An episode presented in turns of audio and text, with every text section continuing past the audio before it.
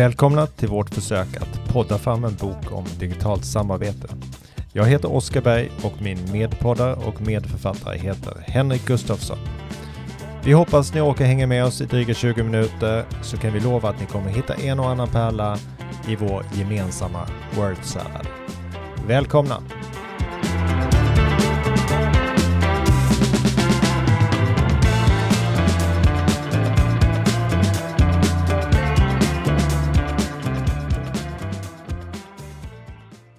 Oskar! Hej Henrik! Vad ska vi prata om idag? Vi har ju haft en pandemi och där vi verkligen har ställts på prov eh, hur vi jobbar digitalt. Våra digitala färdigheter och eh, den digitala arbetsmiljön har verkligen testats. Och i samband med det här omvärderar vi väldigt mycket kring hur vi jobbar och, och startat mycket funderingar om vad som händer framöver. Samtidigt som det kanske har varit ett ganska tydligt fokus på här och nu. Vi har haft så mycket dagliga problem att lösa och liksom försöka hanka oss fram under den här pandemin. Så att en idé för dagens samtal är att vi lyfter blicken lite och tittar på digitalisering ur ett lite längre eh, perspektiv.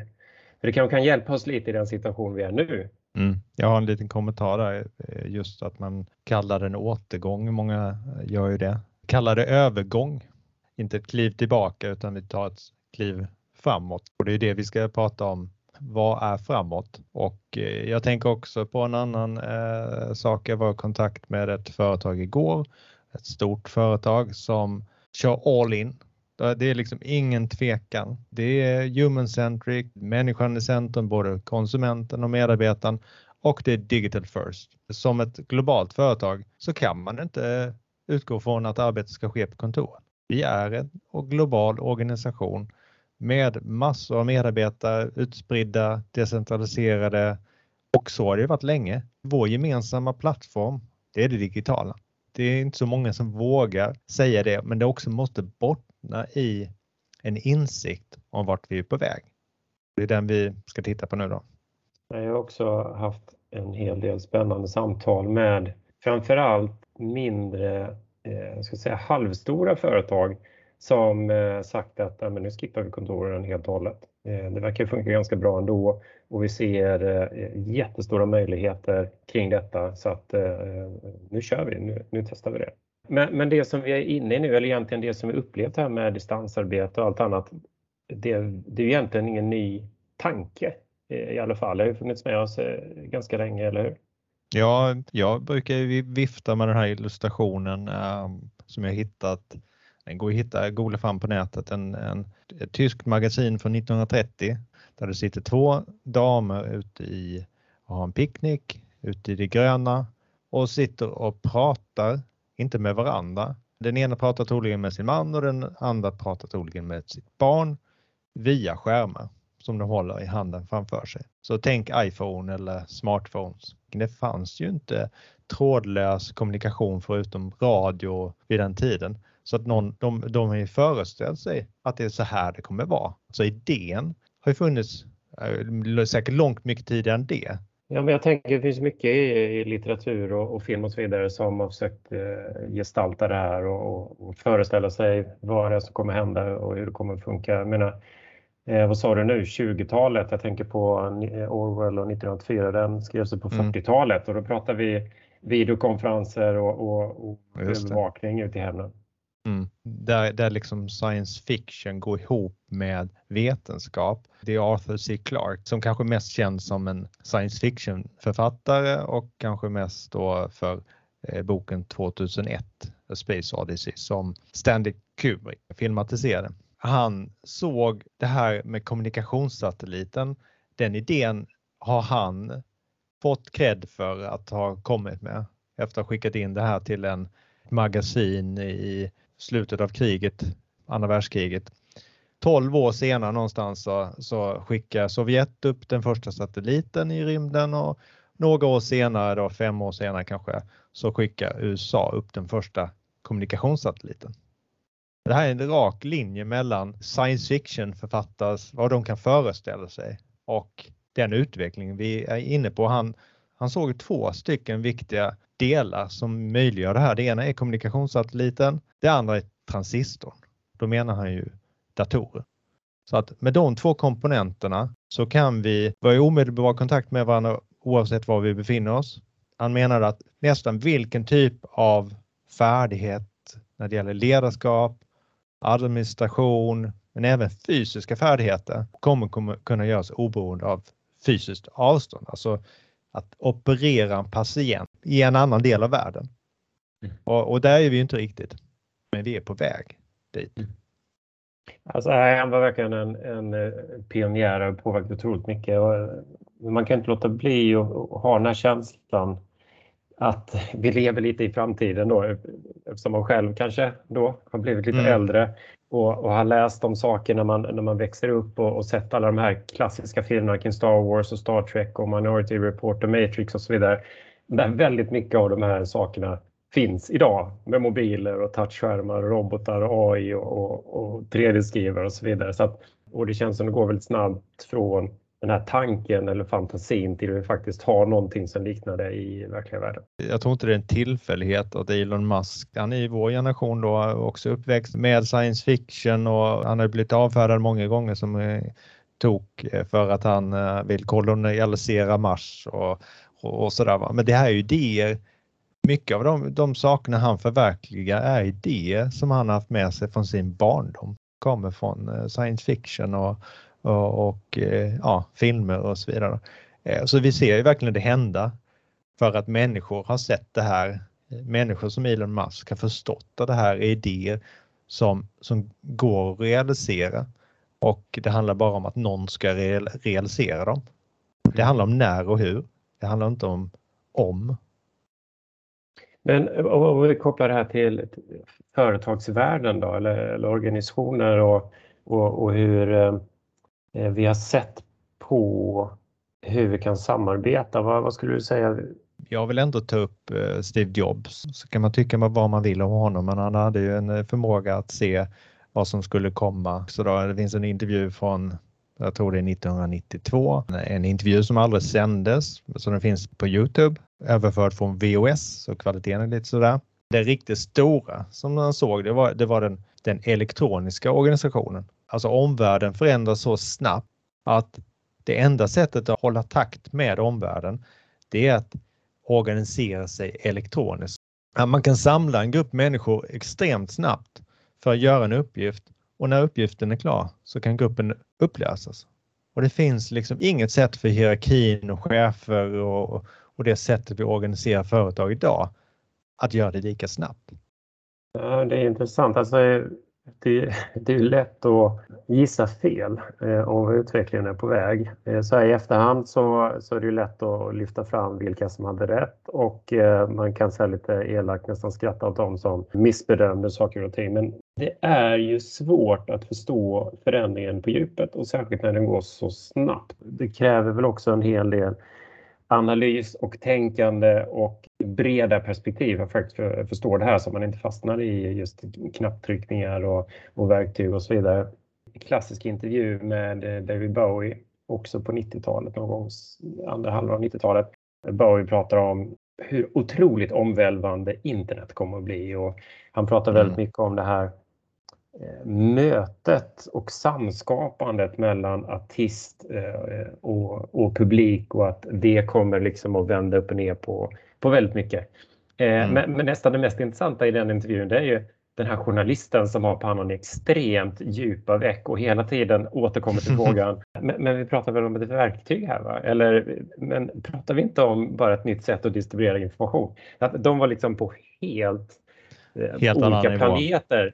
Några har sett det här magin i, och enorma möjligheterna som finns i det här med andra bara sätter liksom krusningarna på ytan. Nu kommer datorer in istället för skrivmaskiner. De har inte sett vad, vad kan en dator göra? Den kan vara mycket, mycket mer än en skrivmaskin. Eh, så vissa ser det här på ytan. Andra ser då liksom, vad är potentialen i den här teknologin? Men, men det är väl det här liksom att att förstå nätverkseffekten av att alla kan mm. lägga upp animerade giffar som du säger eller bara det att, att vi kan ha en exponentiell utveckling av någonting. Det är så otroligt svårt bara att föreställa sig. Jag, jag vet, eh, jag har sett statistik på solcellsutveckling till exempel. I början gick det väldigt trögt men sen 2005 så har vi verkligen exponentiell tillväxtkurva. Mm. Och det där, så att den har ju liksom potential att ta över som energikälla eh, inom en, en eh, ganska snar framtid. Men nästan varje år så har experterna inom solcellsindustrin missbedömt hur snabb den här utvecklingen ska ske. Så även de som, som kanske jobbar med det här har liksom svårt mm. att föreställa sig hur saker och ting kan gå så snabbt. Mm. Och, det, och det är ju, vi tänker ju ofta framtiden som linjär. Att vi tittar bakåt och hur det snabbt har gått och sen drar vi ett streck framåt och att ja, då kommer det ta så här många, lång tid att göra det. Och, och, och det, det, finns ju ett färskt exempel på eh, Eh, coronapandemin och eh, utvecklingen av vaccin där man bara utgår från att ja, men det tar ju så här många år att ta fram ett vaccin och då bortser man dels från teknikutvecklingen och man missbedömer det. Vad händer när folk, när människor mobiliserar resurser? När man börjar samarbeta, när man börjar prioritera någonting över allt annat, då händer det ju fantastiska saker. Jag tänker på, eh, om jag tänker en sån mer modern motsvarighet till felbedömning, men jag har läst mycket nu i media, man hör företagsledare som säger att men nu har vi digitaliserat. Ja, eller pandemin. Nu är vi klara, men, men då känns det som att man ja, inte nu... riktigt ser framför sig vad, vad det är för strömning. Nej, men nu, nu är det väl, nu är väl pärmen inskannad. Liksom, då är vi färdiga. Det, det, jag tror att det, det, är ungefär så långt man tänker. Man ser inte de här möjligheterna. Ja, man, man ser inte nästa steg helt enkelt. Det var Johan Magnusson på Göteborgs universitet sa det ganska bra tyckte jag. Han stack väl ut hakan lite det här han menar att vi har inte digitaliserat överhuvudtaget under pandemin. Man kan säga att vi har börjat använda verktyg vi redan hade investerat i. Det ligger ju väldigt mycket ja, Man har ju knappt börjat nosa på möjligheterna att jobba på ett annorlunda sätt. Jag kommer tänka på det här med, med eh, en bok som Kevin Kelly, chefredaktör för tidningen Wired på 90-talet. The Inevitable heter boken eh, och den handlar om 12 krafter som är, som är så starka så att de kommer hända. Flowing som man kallar det, att man går från att äga saker till att använda saker. Så vi vill ju ha mer och mer och mer och vi kan inte köpa allting och vi vill inte köpa allting. Eh, vissa håller fortfarande hårt i CD-skivan och vinylskivan. Men jämfört med att få tillgång till hela liksom 40 miljoner eller 80 miljoner låtar när man vill det är så tydlig nytta av det här att få tillgången att vi släpper ägandet. Men vi pratar om att vi ser möjligheter genom film till exempel, genom böcker på andra sätt att eh, använda teknik. Eh, men samtidigt är vi och våra beteenden så himla drillade i ett, vad ska vi säga, framförallt när det gäller arbete då, i ett industriellt tänk. Fortfarande. Mm. Hur vi organiserar oss och hur vi leder arbetet och så vidare. Och det känns som, där har vi knappt börjat eller vi, vi är på den här förändringen eller övergången av att faktiskt jobba utifrån digitala plattformar och, kom, och hitta varandra och kommunicera och samarbeta på nya sätt. Mm. I verksamheten och med partners och, och, kunder. Men det känns som vi är inte, vi är inte där än. Det finns väldigt Nej, mycket men, vi är ju produkter av vår egen tid om man säger så. Vi antar massa saker och, och det, det bygger på vad vi har lärt oss någon gång i tiden. Jag menar, vi antar att det är så här så därför är det så också framöver. Det är som företagsledare. De har ju lärt sig att organisationer fungerar på ett visst sätt och man leder på ett visst sätt och, och så vidare. Och det är extremt svårt att lära av beteenden, lära om, men ännu svårare att ändra föreställningar och synsätt. Att lära sig ett verktyg och trycka på rätt knappar det är en sak. Att ändra ett arbetssätt det är en enorm förändring. Men det är ännu större utmaning när det, när, när det handlar om nya sätt att se på arbete eller vad är det som motiverar människor? Hur kan man leda på ett annat sätt än vad det traditionella industriella företaget har lärt oss? Det kommer många undersökningar som tittar på vilka som är digitala ledare, vilka verksamheter som är digitala ledare. Eh, och en intressant sak där det är att avståndet mellan ledarna och övriga verkar bli större och större. Eh, och det är väl lite i linje med, eh, var, det, var det William Gibson som sa det, liksom att framtiden är, eh, kommer till oss i olika hastighet. Ja, framtiden är inte jämnt eh, distribuerad. Framtiden Just. finns här redan, men den är inte jämnt distribuerad. Men, men vad är det som kommer driva utvecklingen eh, framöver? Du är inne på, på Kelly här och han säger många kloka saker att vi, vi knappt kan bärga oss från digitaliseringen. Men vad har, vi, har vi något att hålla i? Är det något vi ska utgå ifrån så att vi faktiskt gör något vettigt med den här digitaliseringen eh, och, och de möjligheter som kommer. Du, du tänker på människor? Eller tänker på? ja, vi, vi är ju ändå människor som sitter ja, men... och, och, som uppfinner det här. Eh, och är, vi är ju människor som försöker uträtta någonting och särskilt om vi tittar på det i någon slags verksamhetskontext. Eh, mm. Eh, och, men vad är vi för människor egentligen? Det är kanske det som vi behöver titta lite närmare på. Vi får den här spännande diskussionen i, med att AI blir mer och mer utbrett som gör att är vi, vad, mm. vad, är det som gör oss mänskliga och inte? Och hur ska mm. vi använda ny teknik? Med AI så tänker man ju nästan som att det är något väsen som, som utanför oss och som kommer eh, som, som liksom inte har något med oss att göra, som kommer ta vårt jobb och, och så vidare. Men om man tänker tillbaka på hur vi använder teknik, det är inte bara digital teknik utan från liksom de första liksom verktygen vi skapade som är, som är ju teknik då. Eh, skriftspråket som är ett sätt att kommunicera över tid och rum med andra människor. Teknologierna ger oss bättre, större förmågor att övervinna våra begränsningar som människor att vi kan förflytta oss snabbare, längre. På samma sätt så, så ger oss digital teknik nya förmågor att vi kan räkna tal som var omöjliga, är omöjliga för oss att räkna. Eh, vi kan komma ihåg saker, vi kan hålla kontakter med fler än vad vi fysiskt sett, mentalt sett är utrustade att göra på något sätt handlar allting, all teknikutveckling om att stärka våra förmågor som människor. Och det gör ju även AI, sådana grejer. Vi ska kanske inte sitta i Excel och flytta och gå igenom tusentals rader information. Det är inte vi skapta för. Utan för att kunna göra det bättre, ja då utvecklar vi artificiell intelligens, machine learning.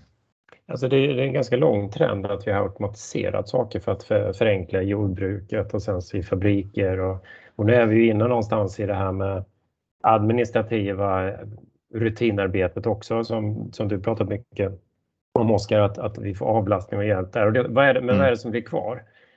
Mm. Det, är, det, är, det är ju mer ska vi säga, aktiviteter som är lämpliga för oss som människor och där vi egentligen är bäst. Kring mm. att vara mer kreativa och tänka utanför boxen och bygga relationer och så vidare. Precis, alltså det som är våra styrkor Eh, som människor. Det finns ju flera, men, men man kanske framförallt är det här och, och för att lära oss saker och föra över det till nästa generation. Vi kan ju externalisera det här kunskapen vi har på olika sätt och föra det vidare. Det är en jättestor grej och där använder vi tekniken. Den andra delen tänker jag är att, att samordna oss.